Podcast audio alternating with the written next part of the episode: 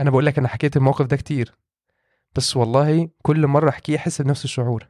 أنا مش عايز أقول لك القاعدة دي أنقذت جوازي. فلمست معايا أوف يعني هي تغلط وتعترف إنها غلطت على طول يعني كذا بدون أي مقدمات. عشان كده كلمة اندبندنت هي كلمة ساذجة. قبل ما نتعود نعمل كده إحنا ما كناش عايشين. وأحسب إن أنا قابلت ناس جدعان بس ما قابلتش أجدع من أهلي. أوه ما قبلت أجدع من أهلك.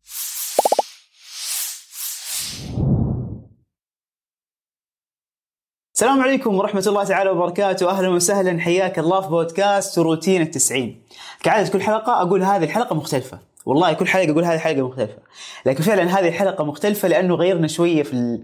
في الاستديو. فضيفنا اليوم من خارج السعودية. ضيفنا شخص أحبه جدا وسبق تعرفت عليه في أكثر من مرحلة من مراحل حياتي كل مرة كذا يطلع لي كذا آه، بسياق مختلف وبشكل جديد. يمكن اللي بيشوف هذا الفيديو يعرف الضيف أصلا هو موجود في العنوان يعني فكذا إنك تعرفه. فاللي يعرف الضيف يمكن يعرفه من فيديو تعلمت أوه لا أوه لا ولا ولا فيديو من هنا ومن هناك عن الصحة النفسية. فاليوم حديثنا عن الصحة النفسية تجارب الضيف تجاربه الشخصية أصلا. آه، فاليوم حديث تجربة أكثر من حديث المتخصص الخبير رغم إنه الضيف يجمع بين بين هذول الاثنين. فاهلا وسهلا حي الله أبو سدرة أهلا وسهلا كريم. أهلا وسهلا. إزيك عبد الله؟ عامل إيه؟ الله يكرمك. عسى أمورك طيبة. أنا مبسوط جدا إن أنا معاك والله ومع الناس الطيبين اللي بيتفرجوا علينا. ربنا يحفظهم. الله يعطيك الصحة والعافية. صراحة فرصة جدا سعيدة كريم وجدا مبسوط إنك آه، يعني موجود معانا. ومتحمس جدا إنه إحنا إيش آه، نأخذ ونعطي في آه، في الكلام الطيب إن شاء الله.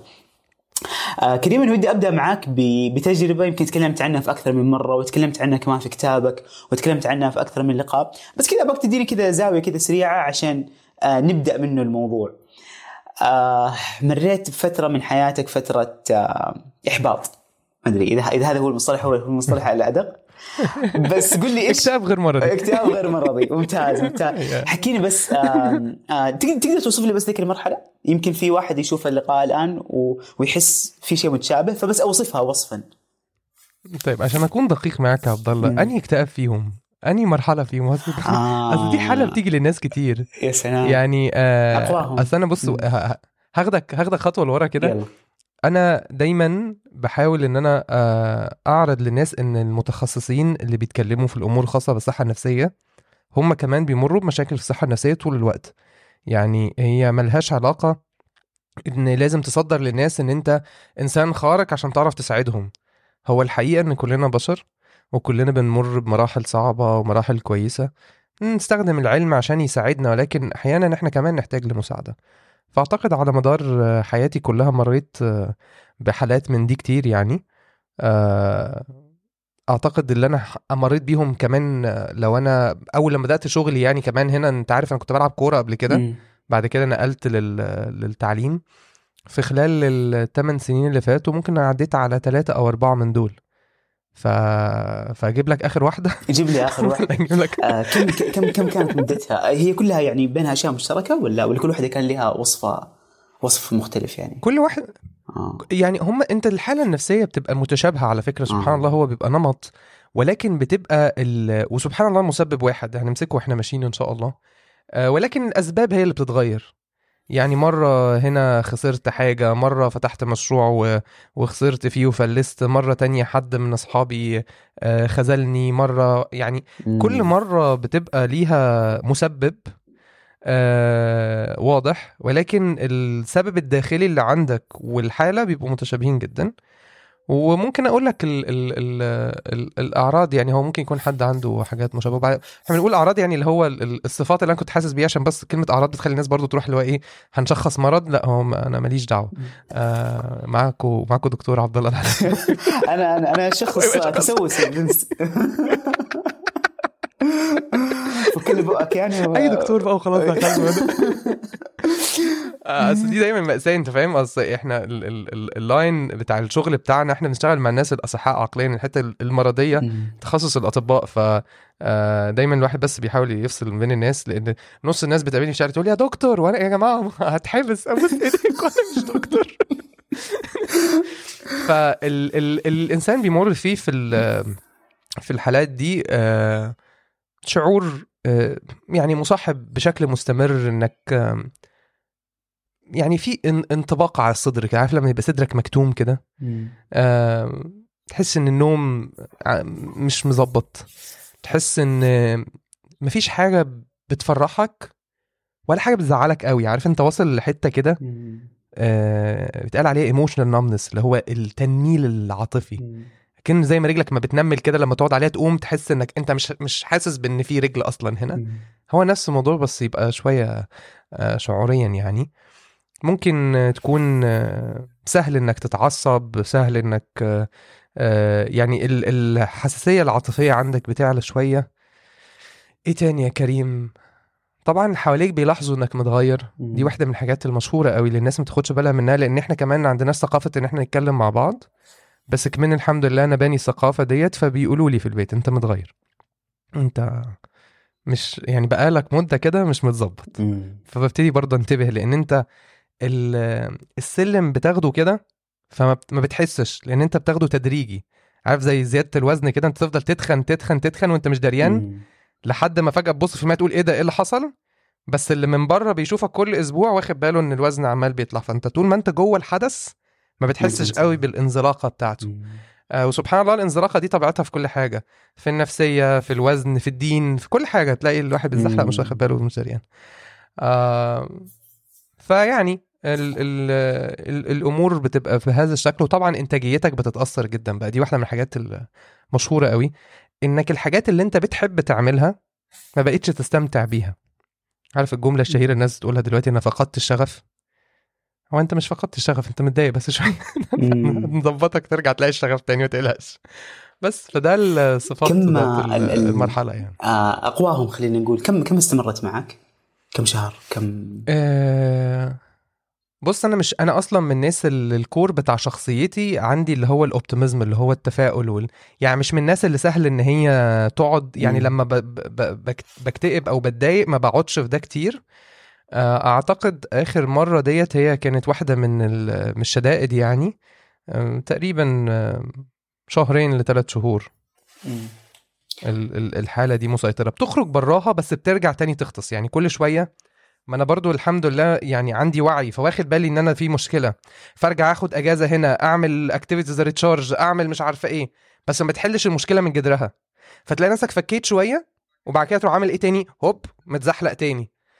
فلحد ما ربنا أراد بقى وال وعرفت مسكت السبب وخرجت منها الحمد يا سلام. يعني أنا لفت نظري لما قلت لي إنه كلها يمكن في لها شعور نفسي واحد ولكن كل واحدة كان لها مسببات مختلفة لكن السبب الأساسي هو واحد.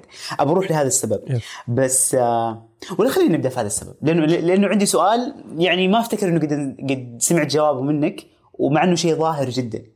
بس أبغى أسألك هذا السؤال بعد ما تقول لي إيش كان السبب اللي لما لميته لقيت كل شيء انحل يعني. بص هي هي هي إجابة ممكن الناس تفتكرني بتفزلك بس هو ده دي إجابتي يعني. اللي أنا وجدتها يعني. إن ال- المسبب الأكبر في اكتئابي أنا ككريم خليني دايما اريفير لنفسي عشان دي مش دراسة علمية ده كريم تجربتي أنا إنه أول لما بتتزحلق برضو نفس الزحليقة بتاعت أنت هنا بتعبد الله سبحانه وتعالى ولا أنت هنا عشان تحقق إنجازات وتصنع آثار. وتصبح مشهور وتصبح. غني وتصبح وتصبح وتصبح مجرد ما يحدث الانزلاق ده بتلاقي كل مصائب الدنيا جت ركبت على دماغك لأن الدنيا نفسها مهما كنت يعني أنت ممكن آه، يعني أقول لك ال- ال- ال- الحالة آخر واحدة جات لي ديت جات لي وأنا بحقق إنجازات أصلا. يعني أنا مش بفشل. أنا ماشي في لاين حلو قوي يعني. وشركتي بتكبر والدنيا ماشية كويس و... ولكن افتقاد المعنى الأساسي بتاع أنت موجود هنا ليه؟ هو ده اللي بيخلي الإنسان يفقد ال- ال- المتعة في كل شيء. ولا يستطيع أن يتحمل أي شيء. يعني الحاجتين. المتعة راحت ومش قادر ضعيف. ليه؟ لأن أنت أنت هنا مو... أنت أنت خلاص دخلت في زحلقة الدنيا. كان في كتاب اسمه Man's Search for Meaning راجل هو مش مسلم ولكن هو نظرته إن الإنسان مش مخلوق عشان يستمتع ويتبسط. هو ما فيهوش مش... هو ما عندوش مشكلة مع الألم. هو عنده مشكلة مع إيجاد معنى للألم. فكلنا حياتنا مليانة ألم. اللي بينجو نفسيا هو اللي بيقدر يجد معنى وراء الألم بتاعه ده. فأنت إيه أكبر معنى بيحركنا إحنا كمسلمين؟ هو العبادة. هو إن أنت هنا الاختبار فبتلاقي كل مصائب الدنيا بتهون أمام المعنى ده. إن زائلة. إن أكرمكم عند الله أتقاكم. مش اغناكم ومش أشهركم ومش ومش أجمد واحد على اليوتيوب ومش أجمد آه، ولا حاجة. فانت ممكن تبقى مكسر الدنيا وانت عند ربنا ولا شيء. وممكن تبقى عامل بسيط ماشي في الشارع بيكنس البتاع كده بس وهو بيكنس البتاع كده والله العظيم عضل بيعملها كده بإحسان. بيعملها كده لله. وهو يبقى عند ربنا قدك عشرين ألف مرة. فلما المعاني دي بتغيب عننا تلاقي نفسك زعلان على الفلوس وتلاقي نفسك زعلان على على الفيديو اللي ما نجحش وتلاقي نفسك زعلان على ال- الموظف اللي سابك ومشي وتلاقي نفسك قلقان من ال من المشاكل الاقتصادية والعالم كله بيمر بمش عارفة إيه وانفليشن وتقعد تتابع الأخبار الاقتصادية وتقعد تتابع مش عارفة إيه. تلاقي نفسك قلقان من كل شيء. بس لو رجعت تاني الراجل اللي بيكنس ده هو بيعمل كده وهو مرتاح ليه؟ عشان عارف إن هو دي اللقمة اللي هياكلها اللي مكتوبة له هيخش ينام ويصحى وهي زي ما متيسرة. وإحنا نفس الموضوع. أنت تقعد احسب كام مرة قلقت من مستقبل واحسب كام مرة قلقت من المستقبل وربنا مشاها لك زي الحلاوة. هتلاقي نفسك لما تيجي تقلق تاني المستقبل عيب عليك بقى يعني يا أخي يعني عايز تعمل إيه تاني؟ يعني عايز عايز ربنا يعمل لك إيه تاني؟ عشان يكون عندك هذا هذه الثقة وهذا اليقين بالله سبحانه وتعالى. وأنت بتتكلم كريم آه ذكرت آية قرآنية لما الله سبحانه وتعالى يقول لا يكلف الله نفسا إلا وسعها. ف وأربطها كذلك ب- بمقولة يمكن عدت علي قبل يومين أو ثلاثة. وإن كان معنى الآية هو المعنى الأقوى فكرة أنه أصلا أي مشكلة تيجي في حياتك لا تتوقع إنها إنها القاصمة، لا تتوقع إنها المشكلة اللي اللي راح تكسر كل شيء، لا تتوقع إنها المشكلة اللي راح تنهي كل شيء، فالله سبحانه وتعالى حتى عندما يبتليك فتأكد إنك قادر على تجاوز هذا الابتلاء، بس في معنى معين الله سبحانه وتعالى بيوصل لك إياه. فهل أنت تستشعر هذا المعنى ولا لا؟ بس أنا كريم إيش الشيء اللي خلاك تستنتج هذا السبب؟ كيف كيف قلت إنه آه. الرابط بين هذه على هذه على هذه هو ذا السبب؟ هقول لك لأن كل مرة خرجت من من الحالة دي خرجت منها من غير ما المشاكل ما تتحل أوه يعني هي نفس المشكلة. ما اتحلتش وخرجت من المشكلة. يعني أنا قاعد دلوقتي بكلمك وممكن تكون الصعوبات ال- الآخر واحدة دي كانت قريبة أنا لسه منزل فيديو عنها من حوالي أسبوعين ولا. حاجة أه وأنا بكلمك النهارده المشكلة أو الصعوبات اللي كانت ضغطاني نفسيا هي النهارده عشر أضعاف. وبقول لك أنا أوه. دلوقتي آه، قاعد بكلمك ومتمزج ومش متضايق و... آه بتعب وبعمل بس ولا الهوا. فاللعبه مش في أنت بتمر بإيه اللعبة أنت بتشوف اللي أنت بتمر بيه إزاي. وده بقى عبد الله كمان مش استنتاج من آه. تجربتي أنا الشخصية. اللعبة مو أنت تمر بإيش؟ اللعبة أنت أنت بت بتفكر أنت بتشوف ال- الموضوع وأنت جواه إزاي؟ أنت سلام. بت... جوه دماغك بتشوف اللعبة إزاي؟ سلام. أه... بحب قوي المقولة بتاعت اتس اول منتال الموضوع كله جوه دماغك. لأن ده بقى شفته عبد الله شفته في حياتي المهنية. أه... قعدت في بيت. أه، تسمح لي أحكي لك قصة صغيرة؟ يا ريت. آه، موقف يعني آه، مش عايز أقول لك أنا الموقف ده بحكيه في كل حتة لأنه آه، آه، فعلا غير حياتي وغير نظرتي للدنيا كلها.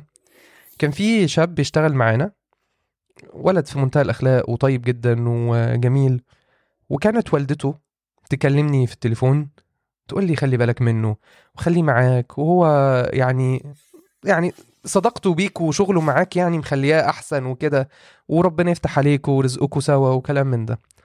فأنا بالنسبة لي آه، الست دي أنا بستنى المكالمة بتاعتها الحلوة اللي بترفع من روحي المعنوية بصوتها عارف الناس الكبار الصوت اللي هو اللي فيه الحكمة وال- والفخامة دوت وفيه تفاؤل وحنية.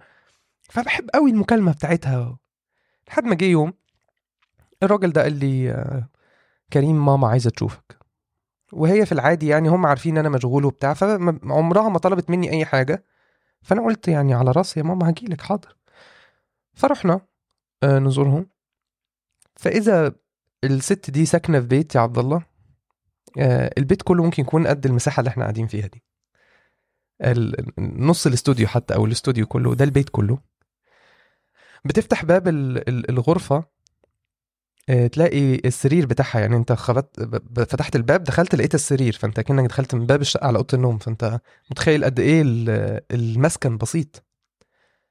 وأنا كل الوقت ده في التليفون والله بتكلمني من فوق قصر يعني في 400 غرفة. مش حد قاعد في بيت بسيط ولا أي شيء. واذا بينا عبد الله بندخل نلاقي ست ضريرة قاعدة. على السرير مبتورة القدم لأن عندها السكر وقاعدة على سرير في حالة مرضية يعني شديدة جدا. وكانت طالبة معايا إن هي تقابل صديقي الشيخ أمير منير. فرحنا إحنا الاتنين قعدنا جنبها. فيا ماما إزيك؟ عاملة إيه؟ بتاع. والله لحد دلوقتي يا عبد الله أنا ما أعرفش أنا كان دوري إيه في القعدة دي لأن هي سألت الشيخ سؤال واحد والموضوع خلص. بس أنا متأكد إن ربنا قعدني في القعدة دي عشان أتعلم الدرس ده عشان كده بحب أقوله. فالست قالت يا شيخ أنا عندي ثلاث أولاد. الأول توفاه الله وهو 28 سنة ولما ربنا توفاه قلت لهم آه ودوني عشان أصلي. والله لا صلي له. فأنا مش زعلانه من ربنا. ديتك وخدتها هصلي لك وأشكرك على على ابتلائك ابنها التاني توفى وهو في أوائل العشرينات وأول لما سمعت الستات بتصرخ قال لهم قالت لهم محدش يصرخ محدش يغضب ربنا. والله يا شيخ أنا بستغفر ربنا في اليوم ألف مرة وبصلي على النبي ألف مرة وبسبح ربنا ألف مرة. بس بيجي عليا أيام وافتكر عيالي وعينيا تدمع. تفتكر ربنا يغضب عليا؟ والله يا عبد الله يعني. أنا بقول لك أنا حكيت الموقف ده كتير بس والله كل مرة أحكيه أحس بنفس الشعور. وافتكر صوت الشيخ وهو بيرن في ودني ويقول لها والله يغضب عليا أنا يما يعني. يا الله. إحنا ما عندناش دم. يا الله. فأنا شفت وحضرت ده. وعندي قصص من دي كتير يا عبد الله لأن بصراحة أنا أنا بحب جدا الناس البسيطة يعني وأحب أراقبهم وأحب أشوفهم وأحب أجالسهم وأقعد معاهم لأنه والله بنتعلم منهم أكتر ما بنتعلم من الدكاترة وال... والعلماء والمش عارفه إيه خصوصا الناس البسطاء الطيبين اللي رزقوا الأخلاق والدين. بتشوف منهم عجائب. شفت في شغلي بقى على الناحية التانية اللي راكب مش عارف عربية مستوى عامل إزاي وقاعد في فيلا عاملة إزاي ولا قاعد مش عارف إيه بتاع. وقاعد متخانق مع أبوه مش عارف إيه أصله ما غيرلوش مش عارفه إيه في الفيلا بتاعة ال- شرم الشيخ أصله مش راضي يسفره مش عارفة فين. واللي قاعد متضايق عشان مش عارف خسر مش عارفة كام. فأنت متخيل حتى أنا شخصيا أنا بقول لك أنا قاعد مخنوق إيه؟ ما أنا قاعد في بيت وعندي كاميرات وعندي شركة وشغل وبيت وأهل واولاد فسبحان الله هي مش في أنت معاك إيه ومعاكش إيه. ومش هي في انت بتمر بإيه وما بتمرش بإيه. هي أنت من جواك بيحصل إيه. الست دي أنا ما شفتش آه أنا ما شفتش حاجة زي كده في حياتي. يعني هي عايزة إيه تاني؟ يعني ما تزعلي يا حاج ما مش راضية تزعل. ده هي لآخر لحظة وعينيها بتدمع خايفة تغضب ربنا. خايفة إن ده ما يرضيش عليها ربنا. فأنت عشان كده قلت لك إيه؟ هو الكور واحد يا عبد الله. لو أنت بصيت إنك جاي هنا تعبد الله سبحانه وتعالى هتلاقي نفسك قاعد بتقول إيه؟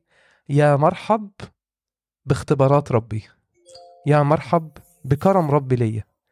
غير كده هتلاقي نفسك قاعد اشمعنى أنا؟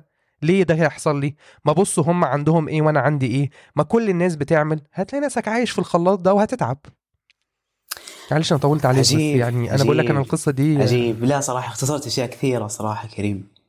آه كريم أنا عندي سؤال هو السؤال اللي كان اللي كان اللي كان قبل هذا. على قد ما يبدو إنه سؤال آم، سطحي بس يعني بسمع جوابك عليه. آه أنا عرفتك كدش يعني. كذا وشعر طويل. بعدين فجأة اخت- اختفيت يعني فترة. ويمكن هي الفترة كتبت عنها جزء من كتابك. بعدين رجعت آه، أتوقع حتى كنت أصلع يعني حلقتها كذا مرة واحدة. يس يس في في سبب كذا ولا؟ آه آه آه. كنت كنت بقضي الخدمه العسكرية بتاعتي بس. كذا؟ بمنتهى البساطه يعني. أنا برضه إحنا عندنا تجنيد إجباري. أوكي. تجنيد إجباري. فأنا دخلت التجنيد بس ما طول. بعد بس بس ما طول بعدها لين ذحين ولا هو إيش؟ ولا كذا راجع يعني ولا؟ لا لا ت- طول آه، طول يعني أنا لسه آخر مرة حلقته كده بقى حلقته في العمرة بصراحة. آه. آه يعني طول بعدها فترة بس برضو ما كنتش كبرته قوي آه. يعني كان بس كان يعتبر لسه طويل. آه بعد كده لما رحت العمرة بصراحة كان اختبار. آه ال- إن- إن طبعا معروف النبي عليه الصلاة والسلام دعا للمحلقين. آه عليه الصلاة والسلام. ف... فالشيخ قال لي يعني ربنا ولا ال branding يعني ربنا ولا شعرك. أنت موقفك إيه؟ قلت له لا أنا محتاج الدعوة بصراحة. فحلقت. آه وسبحان الله ده كان سبب إن أنا اختار إن أنا أغير. أغير ال style يعني. يعني خلاص أنا خدت قرار إن أنا هفضل شعري قصير كده مش هطوله تاني.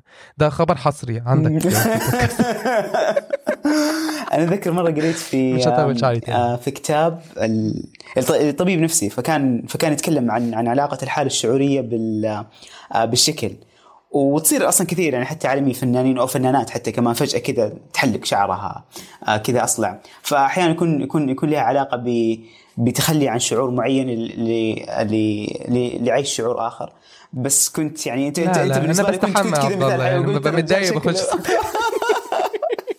لا أنا بعمل ده في الهدوم. يعني أنا عندي الموضوع ده في اللبس. يعني لما بمر بمرحلة صعبة قوي. آه، ممكن مش مش بزخ يعني بس أشتري حاجة جديدة ألبسها. فأحس إن أنا جددت. آه، أغير المكان اللي متعود أخرج فيه. يعني سلام. فكرة إنك آه، أدخل تغيير في حياتي بعمل ده. آه، لكن بصراحة شعر لا يعني. وأتذكر على أيام على أيام كورونا آم، ومن قبلها أساسا دائما يربطوا خصوصا اللي بيشتغل اونلاين بيشتغل في البيت. فممكن يشتغل هو لابس بيجامة ممكن يشتغل هو لابس بدلة وآخر حلاوة. آه، فكانت تفرق في حتى إنتاجية الموظف اللي فعلا يكون لابس لبس لبس دوام مو تيشيرت وتحته. عاد إحنا جالسين في البيت يعني فأنا مش عايز أصور. إحنا مش عايز اوقف باشا الستايل بس يعني عايز قاعدة شوية لو اخذ آم، آه، لفت لفت نظري حاجة كريم في, في الأشياء اللي أنت قلتها انه إنه أهلك كانوا بيسألوك. وهذا الشيء أنت معود البيئة اللي حولك إنه أصلا دائما بتسألوا بعض كيف حالك بشكل حقيقي أو إذا حسيت إنه في شيء مضايقه بتساله قبل لا هو يروح لك. كيف أثر ال... خلينا نقول إذا اعتبرناها فضفضة مثلا على شعورك أو أو بشكل عام يعني في اللي تشوفه حولك مثلا؟ بص أنا هقول لك الأثر في جملة بسيطة قوي إن قبل ما نتعود نعمل كده إحنا ما كناش عايشين. أوه. قبل لا تتعودوا على الفضفضة والشفافية بينكم. كناش عايشين لا. واو. أصل إيه اللي بيفرق ما بين القريب والغريب يا عبد الله؟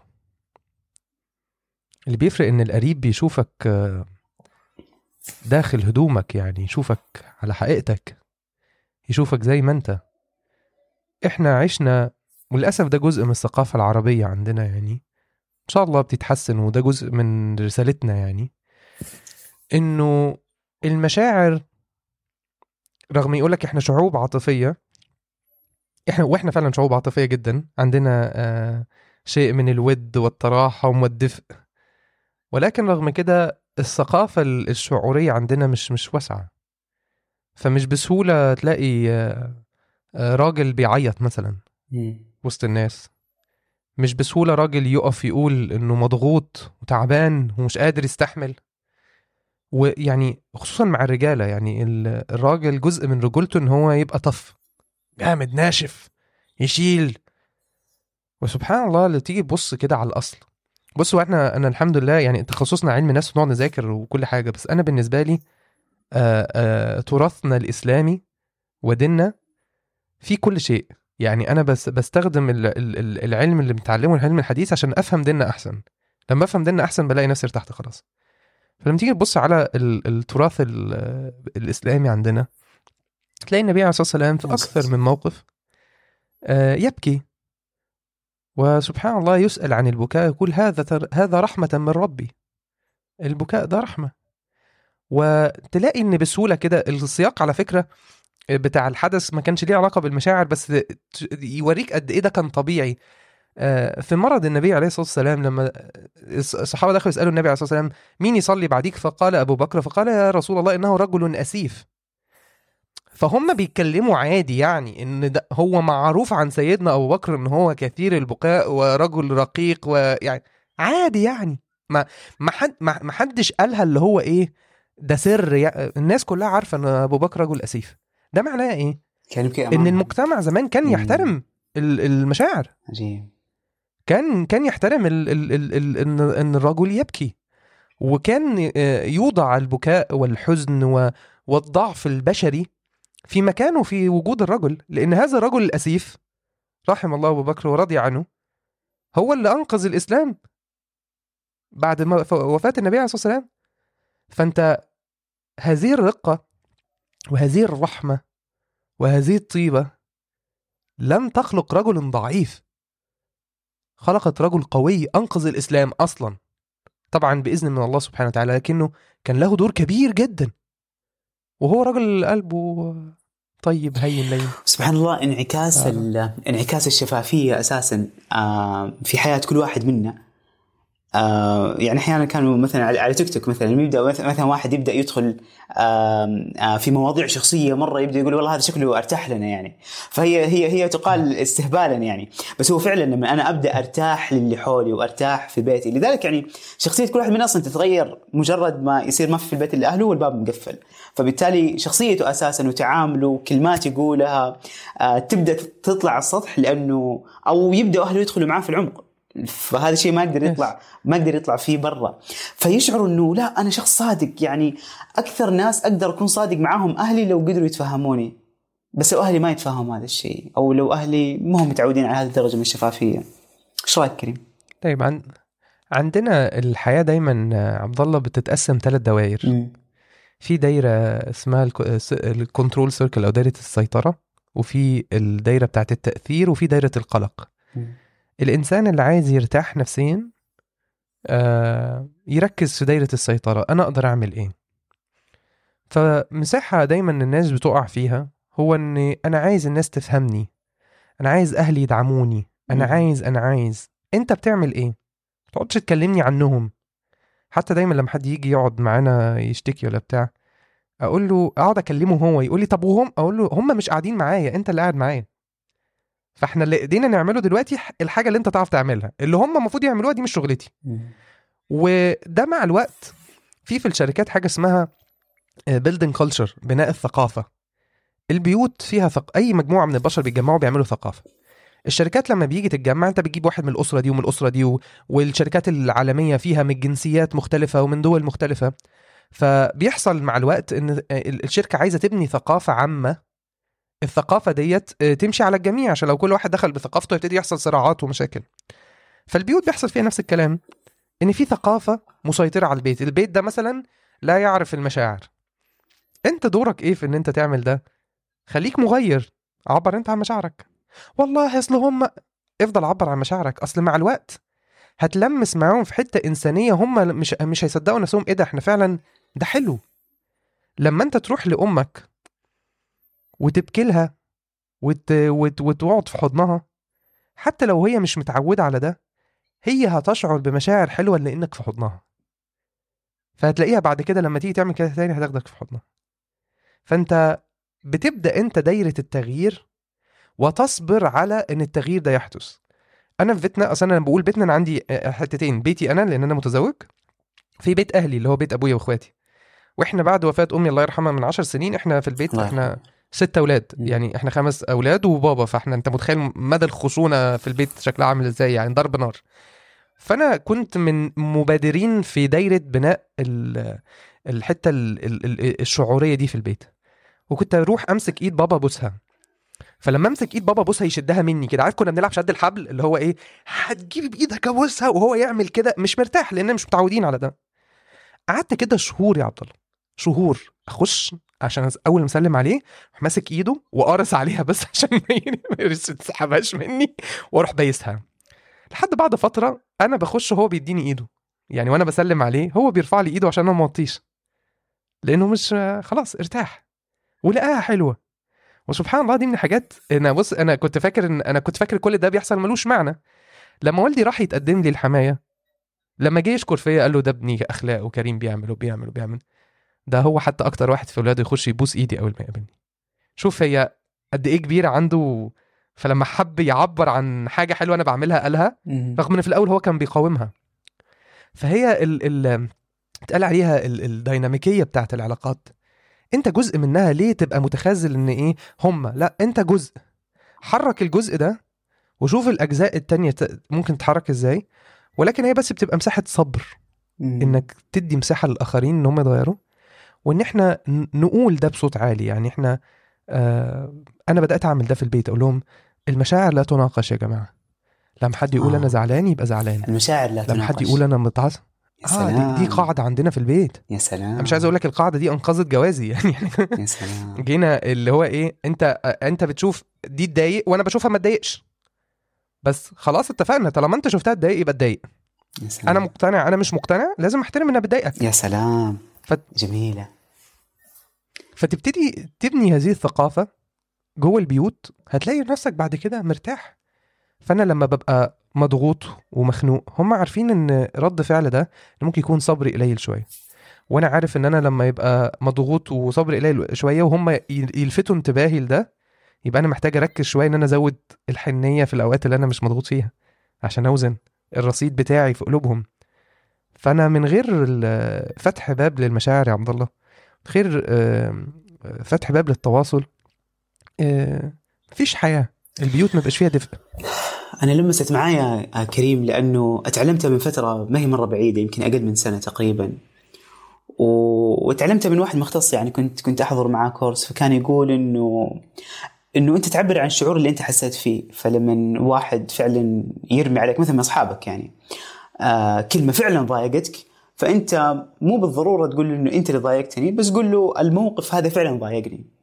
هو يفهمها إنه يا الله يا حساس يا مدري إيش طب أنا كنت أيوه بس أنا أنا هذا الشعور اللي اللي اللي وصلني. أنت مو شرط تكون غلطان بس فعلا أنا هذه هذه كلمة فعلا آه، فعلا ضايقتني.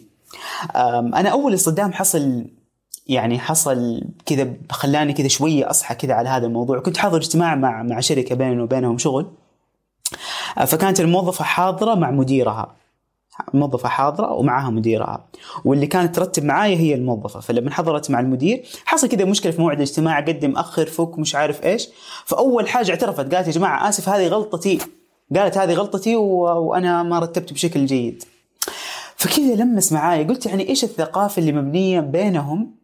ما أدري هي كشخص أو هذه ثقافة موجودة في الفريق ما أعرف. بس كان بالنسبة لي سؤال يعني عجيب. اعتدنا على اللف والدوران ويعني أنا مش مرة. فاعتدنا على ال- على ال- على المناطق الرمادية. لأن احيرك مين غلطان؟ يعني في أحسن الأحوال أنت ما ما حتعرف مين غلطان. أو أرمي غلط عليك. فلمست معايا. أوف يعني هي تغلط وتعترف إنها غلطت على طول يعني كذا بدون أي مقدمات وبدون ما حد أصلا يسألها. واو. فمن هنا حسيت إنه يعني يعني هذا هذا كان أول موقف قبل قبل ثلاث سنوات. حسيت إنه قديش الشفافية في المشاعر والتعبير عنها يخليك قدام الناس أصلا صادق. ما يبين إنك هش بقد ما يشعروا فعلا بصدقك ويحس إنه لو غلط بحقك أنت راح تعترف را- راح تقول إنك أنت غلط. ولو كنت مبسوط أنت راح يعني راح آه، راح تعبر عن انبساطك ولو قلنا إيش إيش تبغى نتعشى أنت راح تقول إيش الشيء اللي فعلا تبغى تتعشاه. ولما تقول بتعشى أي شيء أنت فعلا تقصد أي شيء. مو لأنه دائما جوابك أي شيء. فسبحان الله يعني يمين يسار تجد إنه الشفافيه هي اللي عارف المنقذ. عارف عبد الله اللي أنت بتقوله دوت خلاني برضو يعني لفت انتباهي إن حاجة محتاجين نضيفها ممكن تساعد الناس وهي هي ليه البنت ارتاحت إنها تعمل كده؟ حاجتين. واحدة فيها هي في نفسها إن هي عندها بيتقال عليه ال self efficacy أو الشعور بالكفاءة. إن هي تعلم إن الغلطة دي في التنسيق مش معناها إن هي إنسانة فاشلة ومش شاطرة. سلام. فهي عندها مساحة جيدة من نظرتها لنفسها فهي ترى الغلطة ديت على قد حجم الغلطة دي فليه ألف وأدور وأكذب وأعمل حاجة تخليني قدام نفسي شكلي أوحش بكتير من إن أنا إنسان شاطر حصل عندي غلطة بسيطة في شغلي فده جزء داخلي عندها. جزء تاني مرتبط بالبيئة الأمان. هي عارفة إن خطأها ده آه، مش هيحصل ابتزاز ليها من خلاله أو محدش هيستغله ضدها. فاحنا لو عايزين نبني ده جوه البيوت محتاجين واحد الناس تشعر بالأمان. وعلى فكرة في التربية لما بنيجي نتكلم مع الناس التربية بنقول لهم هي دي أهم حاجة إن الولد يشعر بالأمان يرجع يقولك بابا أنا غلطت ماما أنا عملت كذا ماما أنا حصل لي كذا. بدون أمان محدش هيتكلم لدرجة إن إحنا بنشوف النهارده اللي يتعرضوا للتحرش أو يتعرضوا للأذى ده هو الضحيه ولكنه غير آمن إن هو يشارك إنه تعرض للأذى. فبناء الأمان مهم وبناء شعور الناس بالكفاءة مهم في الحتة دي لو الناس عايزين يعني ياخدوا معلش أنا غصب عني الحس التعليمي عندي كمان شغلي فغصب عن إيه اللي هو إيه, إيه خدوا حاجة كده آه، آه، تبس اعملوها وأنتم ماشيين. ف... آه أنا صراحة يعني محاور الحلقة أخذتني كذا وأنا بالنسبة لي المحاور هي بس اللي, اللي كذا زي المصدات يعني ولا النهر هو. ماشي فلقيت المحاور شوية يعني اختلفت عن اللي كان في بالي بس فعلا هذا قاعد يجرني المحور الثاني عن عن أهمية فعلا ال- العلاقات في حياتي وفي حياة أي شخص. اليوم لما آه لما تعودنا على التعليم عن بعد لما تعودنا على على كل واحد جالس في بيته آم، صار في نوع كذا جديد من ال من من من طبيعة ال آه، من طبيعتنا جميعا إنه عادي إني أقعد يومين ثلاثة أصلا ما أقابل أحد، يعني لو ما رحت المدرسة أو شيء عادي إني أقعد لدرجة إني قاعد في غرفتي حتى ما أطلع وأقابل أهلي، وأتوقع في عدد لا بأس فيه من اللي قاعد يشوف الفيديو هذا يمكن هذه حياته أو في أيام معينة من حياته.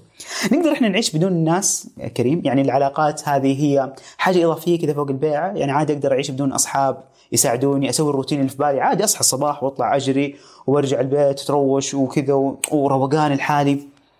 إيش رأيك؟ معلش أنا دايما غصب عني ما بقدرش أشوف الإجابة من فوق لازم ان ان ان يعني ما بعرفش أخد إجابة كده من غير فزلكة فخليني انت فزلك تفزلك. ال- ربنا سبحانه وتعالى خلق الإنسان كائن اعتمادي. عشان كده كلمة independent أنا مستقل هي كلمة ساذجة يعني ما يعني كل ما يعني يدفع الإنسان لشعوره بال كده ده ده سر تعاسة الإنسان الحديث أصلا. فاحنا كائنات اعتمادية الله سبحانه وتعالى خلقنا نحتاج إلى وجود خالق نعتمد عليه. ده رقم واحد. فأنت لك احتياج أساسي إنك تجد مظلة كبيرة تسند عليها ظه- ظهرك. لذلك سبحان الله قل هو الله أحد الله الصمد. ده كده core need عند الإنسان. طيب step 2 الله سبحانه وتعالى اللي يرسل لك الدعم. ما هو ما يعني مش مش هينزل لك من السماء ملائكة تشيلك وتحط لك الحاجة. جزء من إسناد الدعم هو إسناد لك آه، أناس بشر يساعدوك. وإذا نظرت على سيرة النبي عليه الصلاة والسلام ستجد. أن الإسلام بني على أكتاف الصحابة. مم. أصحاب النبي. عليه الصلاة والسلام ما دول ناس علاقات صح؟ يا سلام. فالإنسان يحتاج إلى بشر. طب هي واحد هيقعد يتفرج يقول لك يا عم أنتوا دراويش وعمالين مش عارف إيه بتاع. أقول لك اللي علم بيقول نفس اللي إحنا بنقوله. في دراسة أكبر دراسة اتعملت في تاريخ البشر على السعادة اتعملت في هارفارد تقريبا عدت ال 80 سنة بقت دكاترة يسلموا دكاترة. جابوا ناس بيتابعوا حالتهم النفسية والصحية من هم صغيرين لحد ما كبروا. ف ال... يعني بدون دخول في تفاصيل كتير عشان ما أطولش عليك من استنتاجات ال- الدراسة ديت والفيديو بتاعها موجود تيد توك مشهور يعني إنه. من أكبر الأسباب المؤثرة في سعادة الإنسان هي العلاقات الإنسانية بتاعته. الناس اللي كان عندهم جيران أصحاب أهل بيزوروهم دول كانوا أكتر ناس عندهم سعادة وعندهم حالة نفسية جيدة. فإحنا محتاجين الناس. طيب المشكلة بتيجي فين يا عبد الله؟ إن إحنا الله سبحانه وتعالى خلقنا مختلفين. كل واحد يبحث عن احتياجاته بشكل مختلف. وهذا الاختلاف وضع من رأيي الشخصي ما حدش حدش يعلم حكمة الله في شيء واضح إلا لو الله سبحانه وتعالى أخبرنا بيها لكن لنا مساحة من التدبر يعني. إن هذا الاختلاف الله سبحانه وتعالى خلقه عشان تتكامل الدنيا ونقدر نبني. ففي مثلا نوعين من الناس. اتقال عليهم extrovert اللي هو extroverts اللي هم المنفتحين أو محبين التواصل والاختلاط والخروج. وفي الإنتروفيرتس اللي هم المنعزلين أو اللي يحبوا الانعزال والعزلة. الاثنين يحتاجوا بني آدمين على فكرة عشان بعض الناس يقول لك أصل ده ما بيحبش البني آدمين. لا لا لا الاثنين يحتاجوا بني آدمين. بس الجرعات اللي محتاجينها من الاختلاط والاحتكاك من البشر مختلفة. ففي واحد الكورونا كانت بالنسبة له نعمة وفضل مر... إيه ده؟ مفيش دوشة ومفيش مقابلة ناس كتير ومفيش 20 واحد أقول لهم صباح الخير وهات وخد وبتاع وأنا مش عايز. أنا بنقي اللي أنا عايز أتعامل معاه. وفي حد تاني كان بالنسبة له يا نهار أبيض إيه الحبسة دي؟ ده بدأ لو حد بتاع دليفري جاله هيقف يرغي معاه على الباب يعني ان أنا عايز أي حد أكلمه. مم. وبدأ فعلا كان في groups على زوم بيطلع بيعملوا تجمعات على زوم يقعدوا يتكلموا ويرغوا عشان مش قادرين. يعني هو آه، يعني إيه نقعد لوحدنا كده مع تلفزيون ولا مع كتب ولا مع مع فتلاقي إن الاحتياج بيختلف بس في الآخر كلنا بنحتاج البشر واللي قاعد في أوضته ما بيسلمش على أهله. معلش أنا آسف إن أنا هقول كلمة ممكن تبان شديدة شوية. هو مش قاعد لوحده في الأوضة يا عبد الله. هو بيكلم اتنين تلاتة أصحابه على الواتساب أو أو على الفيسبوك أو لكن هو اختار إن أهله ما يتكلمش معاهم. هي مسألة أولويات بس. لأن حتى الإنعزاليين هو بيحتاج يحتك مع واحد أو اتنين أو تلاتة على الأقل في اليوم يعني. فهو اختار الواحد اتنين أو تلاتة دول يكونوا مش من البيت. وده يرجعنا لإن ده جزء من آه، مسؤولية الأسر. إن إحنا نصنع علاقات فعلا جيدة تجعل الشخص يلبي احتياجه معانا ما هي مش عافية. يعني اللي هو إيه لازم لازم تيجي تقعد معانا. طيب خلاص ماشي هقعد معاكم. هتعملوا إيه؟ هتقعدوا تنتقدوني؟ هتقعدوا تعلقوا على كل حاجة؟ أنت طب شعرك عامل ليه كده؟ طب هدومك عاملة ليه كده؟ طب أنت ما قعدتش ليه. طب لا ما خلاص ما امشي بقى أو امسك الموبايل. فنبقى قاعدين. أنا في أم مرة قالت لي أنا ابني بيقعد جنبي على الكنبة بيبعت لي واتساب ما بيكلمنيش. ليه؟ خلاص ما بقاش فيه ال- العلاقة دي ما بقتش ممتعة. وأنا بلوم على الطرفين. أنت النهارده قابل واحد يكون أجدع الناس أجدع الناس مع أصحابه. بس مش جدع مع أبوه وأمه. طب أنا آسف لمعاييرك. كنا في مرة في عمل تطوعي فبتكلم مع الشباب ومش عارفة إيه وكده. فجيت قلت لهم يا شباب إحنا في رمضان وأنتوا جايين تتطوعوا. بس اللي أمه فيكم في حاجة ليد معها في البيت وأنت سبت أمك تشقى وتتعب وتبقى مقهورة وأنت جاي هنا عشان تساعد البسطاء يبقى أنت في خلل عندك في المنظومة. أوزن. لا تمتنع عن هنا ولا تمتنع عن أمك بحجة إن أنا إيه جاي أعمل خير. أنت جاي تعمل خير عشان تقعد مع أصحابك. الخير اللي على مزاجك. لكن أنت مأمور بمين الأول؟ مأمور بأمك يبقى أمك الأول. ساعدت أمك والله يا ماما أنا هنزل أتطوع. محتاجاني في حاجة؟ لا يا حبيبي ربنا يوفقك ويفتح عليك. روح اتطوع. فهتلاقي آه، آه، آه، واحد يعني القلب الحنين ولكن لا يسمع لأخته. طب ما أخته تروح تتكلم مع راجل غريب. لأن ما لقيتش هذه الحنية. نيجي نتكلم مع الأبهات؟ بناتهم في في سن المراهقة. نقول له لا ده الوقت اللي بنتك لازم تشوف فيه حب واهتمام وكلام حلو وحنية وطيبة. ليه؟ لأن دي احتياجات شديدة جدا في المرحلة دي. طب لو ما اديتهاش أي شاب صايع ماشي بس اداها 5% من ده هتحبه. وهتقدسه لأن هو خد دورك.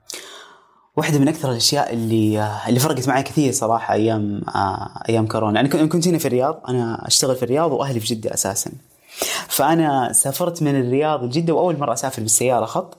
في اللحظة اللي قبل لا يقفلوا فيها خلاص يعني اللي هو اللي كل واحد يقعد في في الديرة اللي هو موجود فيها. فالحمد لله رب أكرمني إني انحجرت مع أهلي يعني ففعلا كانت من أكثر اللحظات اللي حسيت إني قريب من أهلي أكثر وبعدين كنت أسولف مع الشباب لقينا إنه كلنا تقريبا نفس يعني ما في أحد فينا قد عاش فترة اضطر إنه يجلس فيها مع أهله خصوصا لو ما كانوا متعودين مثلا آه إنه يسافروا كل صيف ومش عارف إيه. إحنا ما إحنا متعودين نسافر هذه السفريات فما كان في أي ظرف يخلينا مضطرين نجلس مع بعض وما تطلع أصلا حتى المسجد صرنا نسوي جماعة ومسجد ومش عارف إيه فصار في أواصر علاقة مختلفة جدا إلى الآن آثارها الإيجابية الحمد لله موجودة ولقيت كثير من الشباب أوه لا الموضوع فرق معاهم يقول والله من جد اكتشفت إنه أهلي طيبين اكتشفت إنه أبوي والله ممكن يعني آخذ وأعطي معاه. طلع حلال الراجل ده. أخواتي. فيروح يروح الواحد مهما بعد يلاقي إنه ما في أحد فعلا فعلا فعلا مهتم فيه بشكل حقيقي في حياته مثل أهله. أيوه ربي يكرمك بأصحاب رائعين ربي يكرمك بأشخاص جيدين في حياتك. لكن يبقى رابط الدم يعني له قوته صراحة ال- ال- ال- الحتمية فقه يعني. الأولويات يا عبد الله فقه الأولويات وسبحان الله أنا أحسب إن عندي أصدقاء جدعان. وأحسب إن أنا قابلت ناس جدعان بس ما قابلتش أجدع من أهلي أوه ما قبلت أجدع من أهلك أجدع من أهلي ونعم ونعم يعني حتى لأن خد بالك. أهلي حتى لو اختلفوا معايا كانوا في ظهري يعني لما جيت. أغير من الكورة اللي أنا بعمله ده محدش من أهلي كله كان مقتنع باللي أنا بعمله. أنا راجل لعيب كورة محترف بلعب في نادي كبير في مصر الزمالك بمنتخب مصر يعني ما مش صايع يعني لعيب كويس. وتروح تعمل حاجة هم ما كانوش عارفين أنا بشتغل إيه أصلا. يعني كان مجالنا ده لسه جديد وما كانش حد فاهم يعني قعدت فترة كبيرة أصلا مش عارف أعرف للناس الناس يعني الكوتش إيه يعني بيعمل إيه يعني. ف رغم ده وأنا بعمل المحاضره بتاعتي أخويا هو اللي بيوديني ويسهر معايا في المطبعة لحد 6 الصبح وي... وندبس ونعمل ونعمل ومش عارف إيه وبابا يجي يقعد في الصف الأول رغم إنه مش مقتنع بس قاعد متوتر وقلقان وعمال يشوف يا رب ما يفشل يا رب ال- ألف واحد قاعدين هيقوموا يحدفوا الواد بالطوب ما مش هينفع يا رب ينجح يا رب ينجح. فحتى هما مش مقتنعين كانوا في ظهري. مين من أصحابك هتخالفه في شيء ومش هيبقى راضي عن اللي أنت بتعمله؟ وتلاقيه واقف في ظهرك آه، في أكيد موجود صحاب جدعان بس أما شفتش زي الأهل. عجيب. آه وفي مواقف تانية كتير يعني بس مش عايز أطول عليك يعني بس عجيب. الأهل ما آه خلينا نروح لدائرة الأصدقاء آه كريم بما أنه إحنا على نفس السياق. آم اليوم اليوم آه كريم وأتوقع الواحد كل ما يبدأ يكبر في العمر أكثر كل ما تبدأ تصير معاييره في اختيار الأصدقاء أصعب وأقوى وكل ما يصيروا الأصدقاء اللي في دائرة الأصدقاء أقل. وتبدأ تفهم لما كان يقول الدكتور غازي قصيبي الله يرحمه إنه لو طلعت من هذه الدنيا بصديق واحد مخلص خليل فأنت فعلا في نعمة عظيمة. وتبدأ تتذكر لما الوالد أول كان يقول إنه ترى يعني إحنا في الطفولة إحنا كل كل أي أحد قاعد يلعب معي في الحارة هو صديقي وصاحبي. فلما تبدأ تفهم لما أبوك يقول لك أوه ترى ترى مو كلهم أصحابك بالضرورة. وتبدأ تفهم لما يكون في صديق يعني أنت تتخيل انه هو الآن خليلك هو معك في المدرسة كل يوم مجرد ما تتخرجوا هو آخر عهد لكم. يمكن تتعاهدوا بعض شوي شوي لكن مع اختلاف الأماكن واختلاف الحياة والاهتمامات و تبدأ تلاقي إنه الع- العلاقة آه، اختلف اختلف مكانها. يبقى حبيب لكن أو يعني يبقى الحب موجود لكن ما صار صديق صار زميل ولو قابلته ف فيعني خير وبركة. آه، فاليوم اليوم كريم اليوم اليوم اليوم.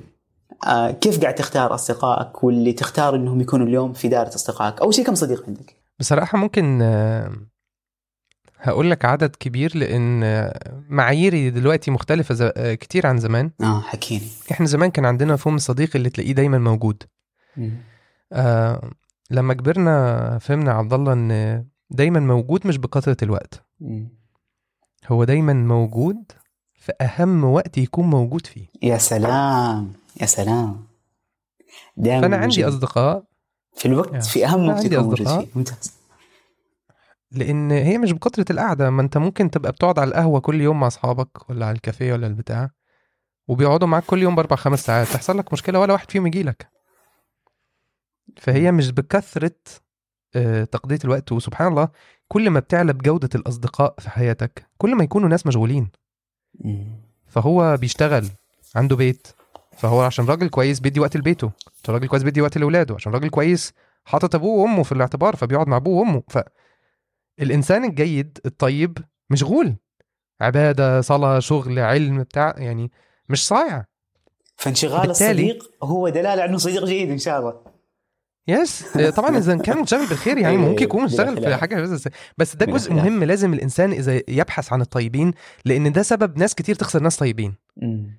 أنت طيب ومشغول وإنسان طيب أنا بالنسبة لي تقول لي رتب القيم كده في حياتك. هقول لك الله الأسرة بعد كده العمل بعد كده الأصدقاء. لن أضع الأصدقاء فوق العمل ولا الأسرة وطبعا يعني حاشا الله فلازم الصديق يكون متفهم ده إن دي أولوياتي وأولوياتي دي ما تزعلكش. لأنك أنا أكون فعلا تثق فيا إزاي لو أنا سبت مراتي وعيالي عشان أعمل لك أنت حاجة. أذيتهم. يعني طبعا في أوقات خلاص أنت مش لازم تختار بس لو أنا بهملهم عشانك يبقى أنا هيجي وقت وهبيعك. لأن في أنا جاي لك هنا زي الولاد اللي أنا كنت بقول لك بتطوعوا عشان مزاجهم. أنا ممكن أعمل خير عشان هو ده اللي أنا آه، مستمتع فيه. لكن مش عشان هو ده المسؤولية بتاعت اللحظة أو هو ده الصح اللي أنا أعمله. فأنا آه، عندي أصدقاء كتير الحمد لله. وخدت وقت كبير عقبال ما عرفت يبقى عندي هؤلاء الأصدقاء يعني ومريت بفترة كبيرة جدا من الوحدة بالمناسبة. آه ولكن ما بنتقابلش كتير ولكن بشكل مستمر إذا احتجتهم أنا متأكد إن أنا هلاقيهم. وهم نفس الكلام ممكن يكون في أصدقائي معروف أصلا أكثرهم انشغالا. يعني بتسحل كتير في شغلي وبعمل حاجات ومش عارف إيه بتاع. بس كلهم عارفين إن لو هو فعلا مكانته في قلبي إن هو صديقي حتى يبعت لي كده أقول له أكلمك الأسبوع الجاي ولا حاجة ارجنت لو قال لي حاجة ارجنت بسيب كل اللي في إيدي. واجي له خلاص. أنت عشان كده بقول لك التواصل مهم. يعني مثلا من الحاجات الطريفة إحنا عندي كود مع أصحابي. إنك إذا اتصلت بيا مرة معناه إن أنا أتصل بيك وقت ما أفضى. أنت كنت عايز تسأل عليا ففضيت كلمتني. أنا عايز أسأل فأنا هرد لك المكالمة وقت ما أنا كمان أفضى وإن شاء الله تظبط. طيب رد... اتصلت بيا مرتين معناها أرجع لك as soon as possible. فلو أنا بشتغل أو لو أنا بعمل حاجة ولا بتاع أول ما أخلص أنت أول حاجة أنا هكلمك فيها. طيب لو كلمتني ثلاث مرات والله لو وسط محاضرة هوقف وهكلمك. وعملت ده على فكرة يعني الكود ده أنا موحده مع أهلي وأصحابي وقرايبي. أنا من الناس اللي طبعا في في ال- في المحاضرة وبتاع جزء من احترام الناس طبعا إنك يعني ما تسيبهمش وتلعب في الموبايل يعني. بس زوجتي اتصلت بيا ثلاث مرات وأنا بشتغل. قلت لهم آسف جدا أنا لازم آخد التليفون ده ورديت عليها وبعد ما رجعت شرحت, شرحت لهم الكود ده اللي إحنا عاملينه. قلت لهم أنا جالي كود رد دلوقتي. ده, الكود الأحمر. بتاع المصايب. فأنتوا مش أعز عندي من مراتي وبيتي لا دول أهلي. ف... ف... ف... فده المفهوم الأول إنه الأصدقاء إنك آه، ال- المعيار هو ال- الإتاحة في الوقت المطلوب وإنك ترى فيه المعزة الحقيقية وده الجزء الثاني إن أصدقائي يكون أحبهم في الله. يعني آه، لا تجمعنا بيهم مصالح. طيب بعد ما حبينا بعض في الله وأشاء الله أن يكون لي مصلحة مع حد أحبه خير وبركة. يعني مش هقول لك جنب أصحابي من ده بس أنا ما أروحلوش مصلحة. يعني أنا ما ما بحث عن الناس من باب المصلحة. أنا أعرف الشخص أحبه لوجه الله سبحانه وتعالى ذن تأتي المصلحة. طب ليه كده؟ عشان لو أنا لوجه الله بعدها المصلحة لو المصلحة اتفركشت هراعي الله فيه. لكن لو مصلحة قبل الله سبحانه وتعالى أول لما المصلحة يحصل فيها أي حاجة مش هراعي ربنا هاخد حقي في المصلحة. وسبحان الله أنا بقول للناس كده في الجواز والناس بتزعل مني يقولوا لي أنت مش رومانسي. بس أنا أقول لهم أنا أحب زوجتي في الله.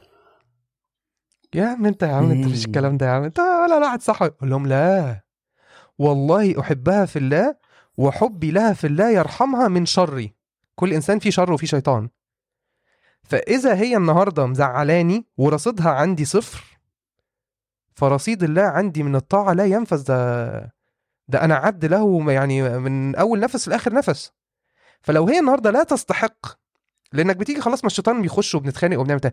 لو هي في اللحظة دي لا تستحق الرحمة ولكن جلال الله سبحانه وتعالى يجبرني إن أنا أرحمها. فالعلاقة اللي أنت عايز تحطها في حتة صح ضع الله سبحانه وتعالى قبل الشخص اللي أنت تحبه. يا سلام. فدول نوع الأصدقاء اللي أنا أبحث عنه. يا سلام. ربنا يجعلنا إحنا الاثنين من هؤلاء الناس. يا رب اللهم آمين. بس قلت حاجة يا كريم ما راح أمشيها. قلت مريت بفترة من الوحدة. أم، احكيني عنها. إيش اللي إيش اللي حصل؟ أنا كان آه، في مرحله طبعا أنا شباب عشان بس ما حدش يفتكر إن أنا عجوز أنا لسه هتم ال 30 آه، في وقت تصوير الفيديو ده شهر خمسة جاي إن شاء الله الله. يتم لك يا رب على خير. آه يا رب. ف أنا من في سن 16 18 19 في المرحلة دي كده آه يعني ممكن قصتي ناس كتير شبهها. يعني إحنا من عيلة الحمد لله متدينة. أمي الله يرحمها ختمت القرآن قبل ما تتوفى. يعني آه نحب ربنا ونحب الدين. ما إحناش مشايخ يعني ولكن آه تربينا على حب الله سبحانه وتعالى وإن الدين شيء قيم ونحترمه. فبتيجي في مرحلة كده في المراهقة بتبقى عايز تخرج عن النمط ده يعني عايز تصيع شوية يعني. فدي كانت المرحلة اللي أنا آه صعت فيها شوية ومش الصياعة اللي هي الانحراف ولكن أقدر أوصف الفترة دي أن الله سبحانه وتعالى لم يكن آه أول حساباتي يعني. كنتش ما, بعملش حساب قوي إيه حلال إيه حرام إيه يرضي الله إيه يغضب الله. وده مش معناه إن دلوقتي ان أنا مكسر الدنيا ولكن الله سبحانه وتعالى في قلبي ممكن عملي يعني لسه مش قادر أبقى كويس قوي زي ما بس أنا آه هو يعلم إن أنا أحب الله سبحانه وتعالى وأضعه أمامي في كل شيء قدر الاستطاعة أغلط بقى واذنب واعمل كل حاجة زي زي أي إنسان ضعيف ماشي بس ال ال الأولوية أنا عارفها. زمان ما كانش كده. فطبعا نوع الأصحاب اللي آه تستدرجهم في المرحلة ديت لما أراد الله سبحانه وتعالى أن أنتقل بقى شوية إني أبدأ آه، أبقى بشوف الدنيا من منظور العبادة ومن منظور الإيمان ومن وأبقى شايف فعلا إن إحنا هنا جايين نعمل إيه مش جايين نصيع ونعمل. فكان خلاص يعني أنا بدأت أنضبط شوية بس لما بروح أقعد وسطهم بلاقي نفسي بعمل نفس التصرفات اللي أنا مش راضي عنها. بنتكلم في نفس المواضيع اللي أنا مش حاببها. وعلى فكرة مش لازم المواضيع تكون حاجات يعني إباحية أو بتاع بس أنا دلوقتي أحبش قاعدة فيها نميمة. احبش قاعدة فيها كلام على حد بسوء ما احبش قاعدة فيها تعالي على حد يعني في حاجات ممكن تكون حتى ولو مقبولة اجتماعيا ولكن هي غير مقبولة دينيا إحنا دلوقتي بنعدي حاجات.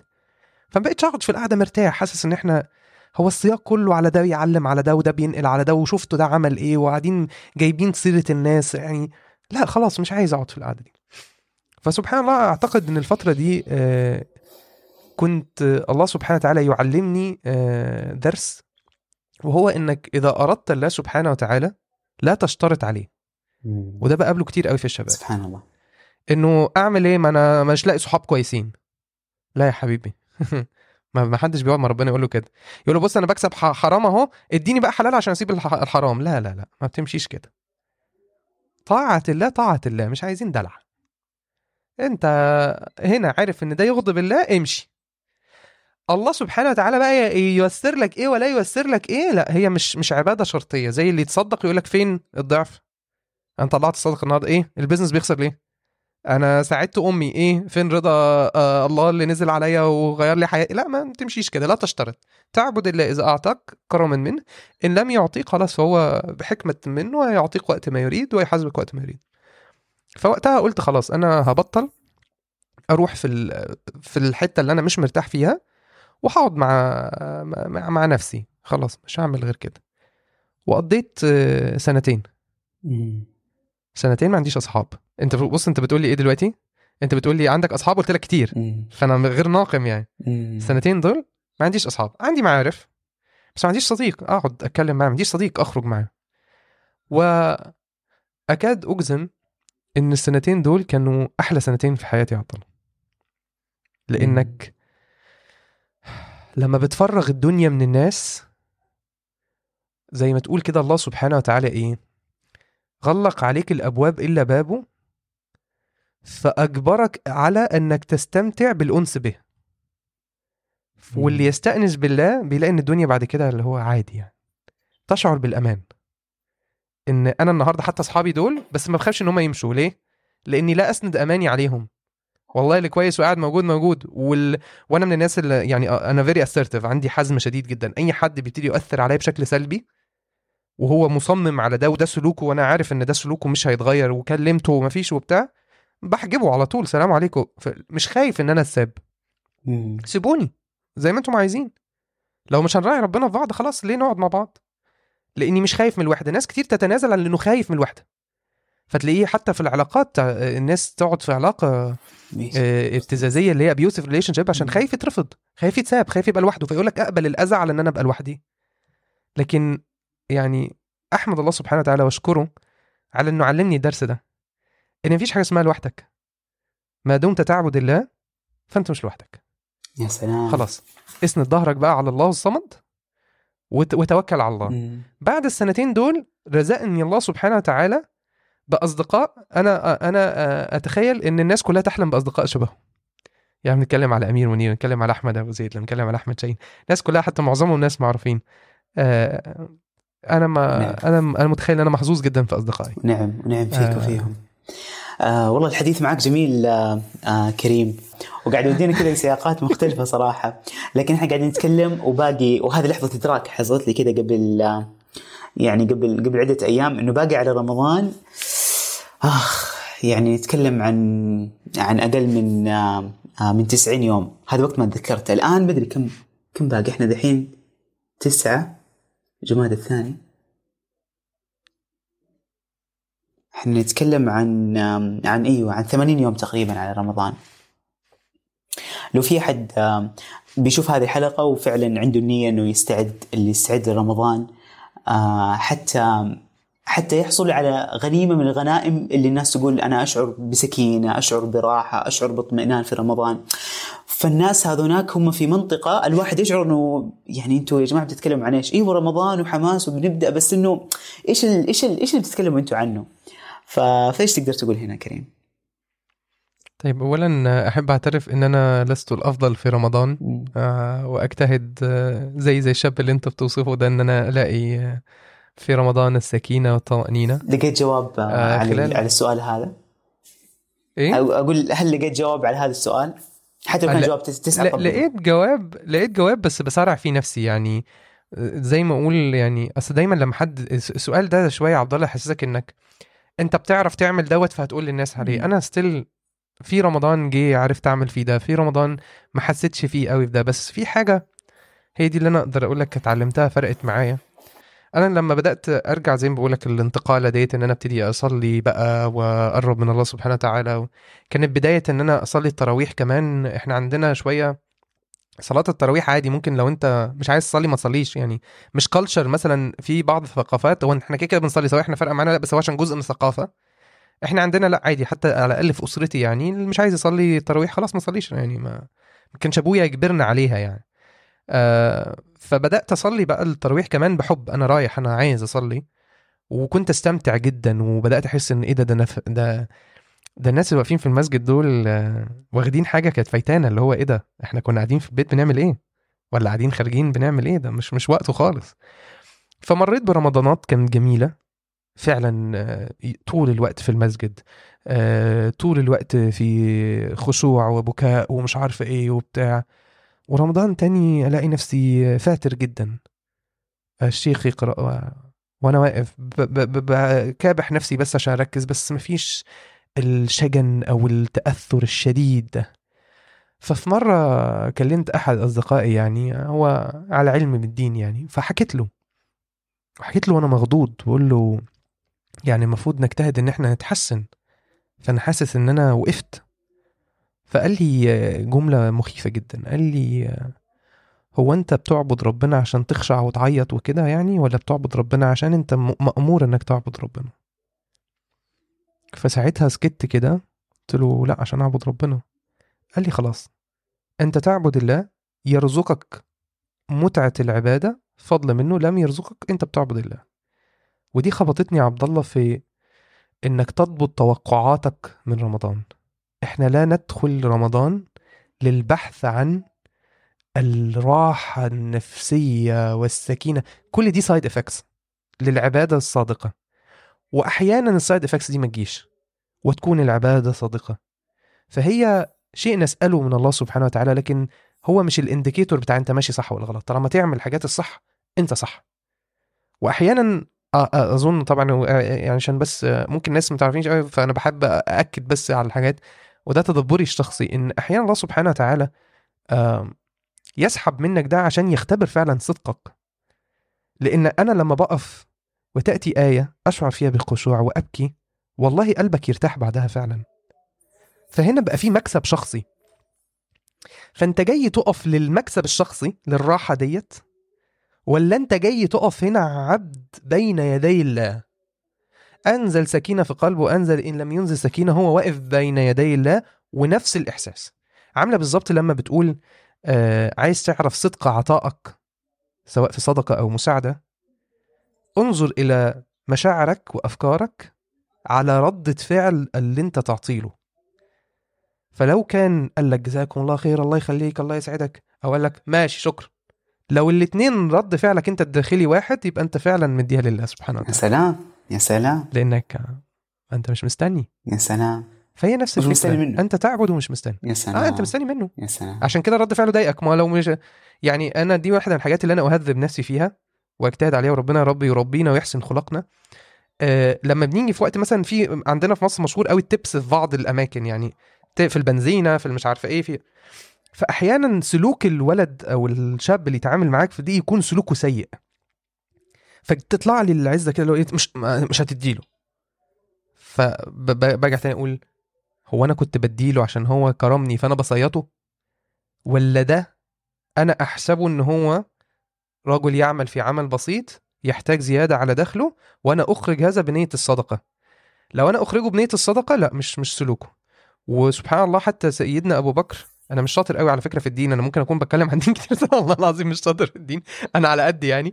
آه، سيدنا أبو بكر لما كان هيمنع ال- ال- المساعدة بتاعته عن الرجل اللي هو آه، افترى على السيدة عائشة نزلت فيه الآية. آه، اللي هو لا يتألى أولو الفضل والسعة. آه، مش فاكر بقية الآية ممكن نبقى نطلعها يعني نعرضها. بس الله سبحانه وتعالى أنزل فيه ده اللي مش عشان هو عمل حاجة غلط تمنع أنت عنه الخير اللي أنت بتديهوله. لأن انت كنتش بتديهوله عشان هو بيعمل حاجات حلوة فانت بتكافئه عليها. انت من الأول تعامل الله عشان كده بقول لك والله حط الله سبحانه وتعالى في كل علاقة تجد العلاقة سهلة ومريحة انت ترتاح فيها وتريح الناس فيها. يا سلام. فانت إذا دخلت رمضان حط ال... ال... سبحان الله دايما بقول للناس كلمة عبد. هي كلمة آه، تضايق وممكن تكون آه، فيها شيء من التقليل إلا في حالة واحدة بس في عبادة الله فيها تعظيم. فاذا قلت لك انت تشتغل عبد عندي. تحس إيه؟ أهنتك صح؟ لكن أنا أقول أنا عبد لله وما أعتقدش إن في فخر في الدنيا أكبر من إن أنا أقول أنا عبد لله. فتدخل رمضان بال mindset دي. أنا عبد لله. ماذا يفعل العبد؟ يفعل ما يؤمر به.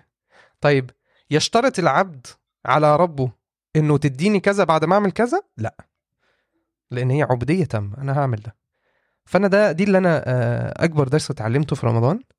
إني أخش كل رمضان بعيدا عن المشاعر أنا عبد.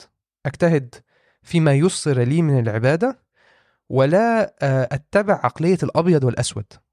ناس تيجي تخش رمضان يقول لك إيه؟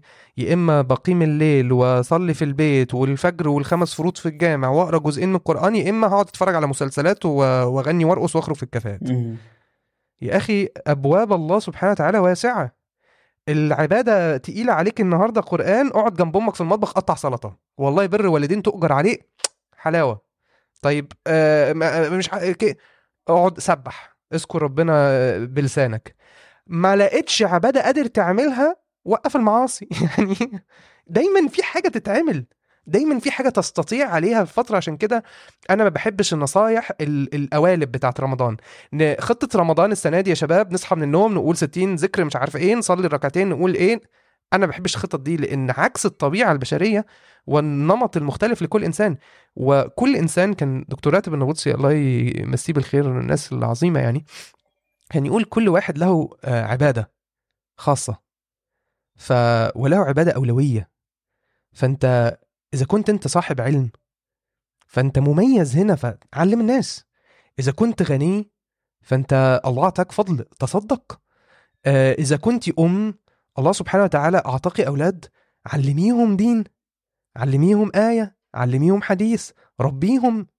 فإحنا في حاجات و... وأنا متعمد أقول أم مش أكليهم بس عامة يعني. لأن الناس تختزل دور الأمومة في إن أنا واقفة بطبخ.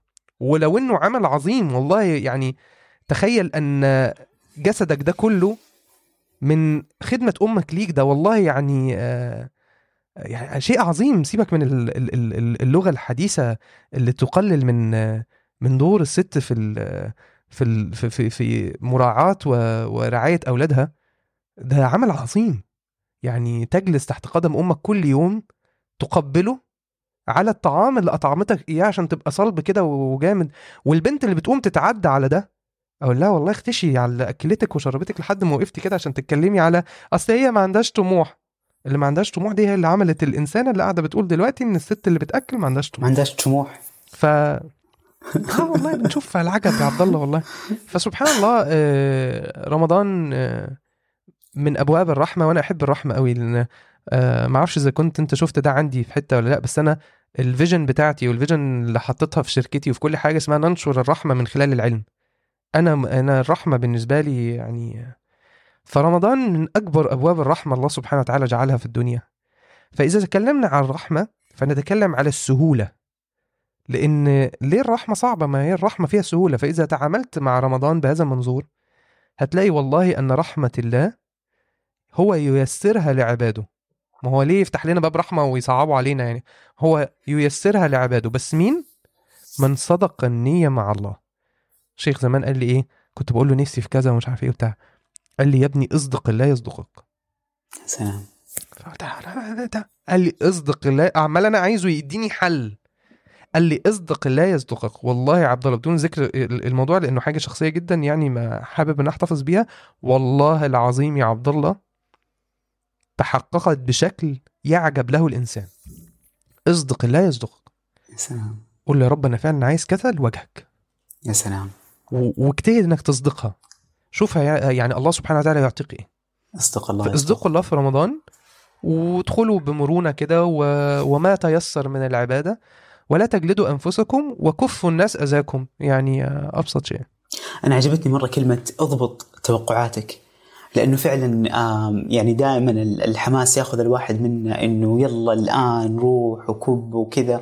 ويلاقي إنه السيناريو يتكرر كل رمضان هو يوم واحد اثنين ثلاثة بعدها تبدأ تقل تقل تقل تقل.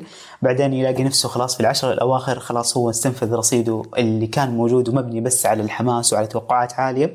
وفعلا يبدأ يسأل السؤال اللي اللي دوبك طرحته إنه أنا ماني ملاقي شيء يعني طب أنا ماني حاسس إنه يعني الرقة ذي اللي بتصيب الناس لما يسمع هذيك الآية فهو المعيار إنه أنت سوي اللي المفروض تسويه واللي تقدر تسويه وهذه رزق إن شاء الله ربي يهبك اياه وبتلاقيه في بعض في في بعض الأوقات من حياتك. آه أنا كريم في في سؤالين دائما نسأله آه كل ضيف في بودكاست روتين 90 آه السؤال الأول حكينا عن روتينك. قل لي كذا كريم اليوم الطبيعي في حياتك من أول ما تصحى لما تنام إيش بالعادة الأشياء اللي بتسويها؟ هو ما عنديش روتين قوي لأن ده من نمط شخصيتي. يعني آه، كان زمان كنت أقعد أتفرج على الناس الناجحين وبتاع. يقول لك أصحى من النوم الساعة 4 ل 5 دقايق أشرب قهوة في 4 دقايق بعد كده أغسل وشي وأتمرن. أنا بطبيعة الحال آه أنا أنا ما عن- ما عنديش روتين قوي. آه الروتين يتغير حسب الظروف وحسب الأمور لأن آه الر- الروتين الشديد يحتاج لشيء من الحزم الشديد. أحيانا يفقد الإنسان رحمته بالآخرين. فالنهاردة عشان أنا بنام في وقت معين وأصحى في وقت معين فلو بنتي مثلا بتعيط شوية هسيب مراتي هي اللي تسهر معاها عشان أحافظ على الروتين بتاعي. أنا بختار ان لأ هصحى أساعد مراتي وأجي على نومي وأبوظ روتيني عشان أكون هنا آه، زوج رحيم. ف مش مش من الناس المتشددين قوي في فكرة الروتين ولكن آه، في أفكار ثابتة آه، ببني عليها اليوم بتاعي. ممكن ال- الفكرة الأولى إن بداية اليوم تكون مع بناتي. فعكس الناس كلها طبعا دي ممكن مرونة بسبب طبيعة شغلي إن أنا أنا عندي بزنس شخصي بتاعي فأنا أتحكم شوية في مواعيدي أبدأ شغلي إمتى أنهيه إمتى وهكذا. فأبدأ يومي مع البنات عشان ياخدوا مني الكريمة بتاعت أول اليوم وأنا لسه فايق. يا سلام. آه، بدل ما بترجع بتبقى في آخر اليوم يعني حاض حبايب ماشي خلاص يعني ما فاكش دماغ. فبستمتع جدا بأول يوم وبالمناسبة اللي عندهم أطفال آه، طبعا مش في مدارس ونايمين متأخر بس لو نايمين كويس وصاحيين كويس أول شوية في اليوم من أفضل الأوقات ال- الحالة المزاجية بتاعت الأطفال فيها بتبقى كويسه لسه مش جعانين لسه مش متضايقين لسه ما حصلش أي حاجة لسه الحماسة بتاعتهم إن هم يبدأوا اليوم. فأول اليوم بحاول أخليه آه، جزء منه مع البيت. آه، سيب مساحة إن أنا ألعب رياضة لو قدرت. مش بداوم على فكرة كل يوم وبتاع بس برضو مبدأ أكسر مبدأ الأبيض والأسود. يعني أنا آه، أتمرن يوم في الشهر أحسن ما أتمرنش ولا يوم في الشهر. أتمرن خمس أيام يعني حتى ما أظبطهاش بالأسابيع. هو سكور حقق فيه قدر المستطاع. فممكن شهر أتمرن فيه سبع أيام يكونوا في أول أسبوعين تاني أسبوعين لأ. بس أتمرنت سبع أيام أحسن ما فيش. فأتمرن قدر المستطاع. آه، طبعا الصلاة يعني مش ه... مش هقول لك الروتين في الصلاة لأن هو دي مش حاجة نتناقش فيها يعني. إحنا بنصلي عشان نصلي يعني مش ه- مش هحتاج أقول لك إن ده الروتين لأن ده العبادة المفروضة يعني. أنا بحك- احكي لك الأنشطة اللي بجانب الصلاة يعني. بعد كده أنزل أبدأ ال- الشغل بتاعي. Very flexible بقى شغلك مني يعني. ال entrepreneurship أنت بتشتغل شوية managerial بتشتغل شوية متخصص بتشتغل شوية learner بتتعلم. آه، بخلص الشغل بتاعي مثلا حدود الساعة 8 9 أوقات طبعا بتأخر في الزناقات يعني بس ده العادي. وأرجع آخد آخر ساعتين ثلاثة في اليوم تاني مع البيت. مع الأولاد وكده. طبعا جزء مع الزوجة بقى نتفرج على التلفزيون شوية نتكلم شوية وبتاع وبعد كده انام يعني. فيومي بسيط حتى تلاقيني انستجرامر فاشل ما بعرفش أعمل فلوجز ما بعرفش أعمل مش عارف إيه لأن حياتي يعني ما هياش النمط ال- اللي الناس متعودة عليه. ورايح مشاوير هنا ومسافر جاي هنا. عادي ممكن أقعد فترة كبيرة جدا بصحى أقعد مع أولادي أنزل المكتب أطلع. ممكن أبقى يوم كامل بروح واقضيه ميتنجز وأخلصه. فيعني ما ما أعرفش مش أحسن حد تتعلم منه روتين بس أعتقد إن في أفكار أو قيم معينة بحافظ عليها في اليوم إني أحافظ على ودي لأهلي إن أنا أحافظ على عبادتي مع ربنا إن أنا أحافظ على إتقاني في شغلي إن أنا أحافظ على إني آخد وقت لنفسي قبل النوم إن أنا ما ما أحسش إن أنا لفيت في الطاحونة كده يعني ربنا يعزك زي الطور وبعد كده نمت يعني يبقى كان في جزء أنا خدته لنفسي بعيدا عن الدوران في الساقية. يا سلام آه و... وإنت كمان لمست على آه على حتة مهمة صراحة. أنا من الناس اللي أسوي تجارب أسوي 30 يوم بدون سكر أسوي 30 يوم رياضة صباحية أو أسبوع سويتها. آه وفعلا هي أصلا تجربة استثنائية ولذلك انعمل عنها فيديو. فأنا دائما أقول إنه أنا مو حياتي أصلا كلها كذا هي تجربة. أنا أخذت من التجربة هذه شيء. أخذت منها إنه عرفت إنه حالة المزاجية والإنتاجية عندي تكون ممتازة لما أصحى كل يوم الصباح وبشتغل. هل أختار إنه هذا يكون روتين حياة؟ ما أعرف. بس على الأغلب ما راح أكمل فيها. لكن لما أبغى أوصل لهذه الحالة أعرف إنه في شيء حلو في هذيك المنطقة جربتها ذقتها طعمة لذيذة. لما أبغى أوصل لها أحاول إني أوصل لها أحاول وأعرف أعرف قيمتها في حياتي. فبالتالي لما أبغى اش أوصل لهذيك القيمة أروح و... أو أروح لهذا لهذا الروتين الجيد. الأكيد إنه وجود روتين ثابت تقدر تصحى كل يوم وعندك واحد اثنين ثلاثة تقدر تسويهم بشكل ثابت هو اللي يخلق ال يخلق خلينا خلينا نقول النتائج العظيمة على المدى البعيد. بس بناءه ياخذ وقت ياخذ سنوات هو مو فيديو يوتيوب يتصور ويلا يا جماعة نبدأ. فهذا اللي اللي سد الفجوة بين الشخص اللي بيشوف وبين اليوتيوبر اللي ورا الكاميرا. بيصير ورا الكاميرا أصلا أشياء كثيرة. أحيانا الواحد بيمثل أشياء على إنها والله أنا صحيت اليوم الصباح بسم الله وبيبدأ يخلق مشهد تمثيلي هو فعليا قاعد قاعد يصور حاجة هي ولا شيء يعني. فاحيانا الواحد لما يشوفها يقول يا الله ذول الحياة مرتبة؟ وش ذا اللي المكتب مرتب يصحى أصلا السرير اللي هو صاح منه مرتب هو كيف نام بدون ما يخرب هذا الشيء. بس هو هو يوتيوب vlog هو هو انستغرام reel في ناس بيعيش هذا الشيء بشكل حقيقي. إيوه يمكن. بس مو هذا الشيء الطبيعي يعني. وأنا بقول هذا الشيء بحكم حتى معرفتي بكثير من الأصدقاء اللي اللي اللي يتناول يعني هذا هذا النوع من المحتوى. مو بالضرورة يكون 100% فعلا صادق. وكثير منهم بيقول هذا الشيء يعني. بيقول حتى قدام الناس إنه شيء بيحاول يسويه شيء بيحاول يوصل له صار له سنوات يحاول يبنيه. فلا تتوقع إنك إنسان تافه لأنك أنت ما أنت مرتب لهذه الدرجة. لا أنت أنت بشر يعني طبيعي. واللي يصير قدام الكاميرا مو بالضروره يكون هو هو حياة الإنسان الطبيعي يعني. فنقطة جميلة صراحة ومريحة و... وصادقة يعني. الله يرضى عليك يا أبو سدرة. أنت فعلا أكرمتني بهذا ال... بهذا الوقت الطيب وأكرمت أصدقاء روتين التسعين. ال... ال... الكلام اللي قلته والله جميل. والله جميل فعلا. وقاعد تلمس كذا على عارف بعض بعض الجروح أحيانا الواحد يبي يخليها كذا زي ما هي لكن أحيانا تحتاج شوية تنظيف عشان بعدين تقفل على نظافه يعني زي ما يقولوا. فأحيانا في بعض الكلام اللي اللي يوصل ويكون شوية شوية معاكس للتوقع اللي في بالي أو للكلام اللي أنا بحب أسمعه. أنا دائما بحب أسمع الطبطبة مثلا لكن لما بسمع كذا كلام بيقول لي أوه انتبه على أهلك انتبه على كذا فكر كذا فكر كذا. بيلامس فعلا جروح لكن هو اللي بيخلي الجروح يقفل على نظافه فأنت اليوم لمست فعلا كذا جروح. شكرا إنك فتحت قلبك كريم. قاعد تتكلم بكل شفافية. كنا نتكلم عن شفافية بس أنت أصلا بتتكلم عنها بكل شفافية. فيلا بننسى شفافية على شفافية. فيعني طلعت كذا حلقة شفافة صادقة من القلب. أتمنى فعلا أن توصل لقلب كل واحد قاعد يسمعنا أو يشوفنا الآن. آه يعطيك العافية كريم. آه شكرا لك. مش حنطول أكثر من كذا عليك. ونقول نتمنى لك إن شاء الله يا رب أوقات سعيدة ونلقاك دائما على خير. و... ونلقاك دائما وانت بتحقق هذه الرسالة اللي بتتكلم عنها وفعلا بتظهر في كلامك وفي محاضراتك في فيديوهاتك إنك بتنشر الرحمة عن طريق العلم. الله يتقبل يا رب. يعطيك العافية كريم. شكرا لك يا كريم، الله يرضى عليك. في أمان الله. مع السلامة.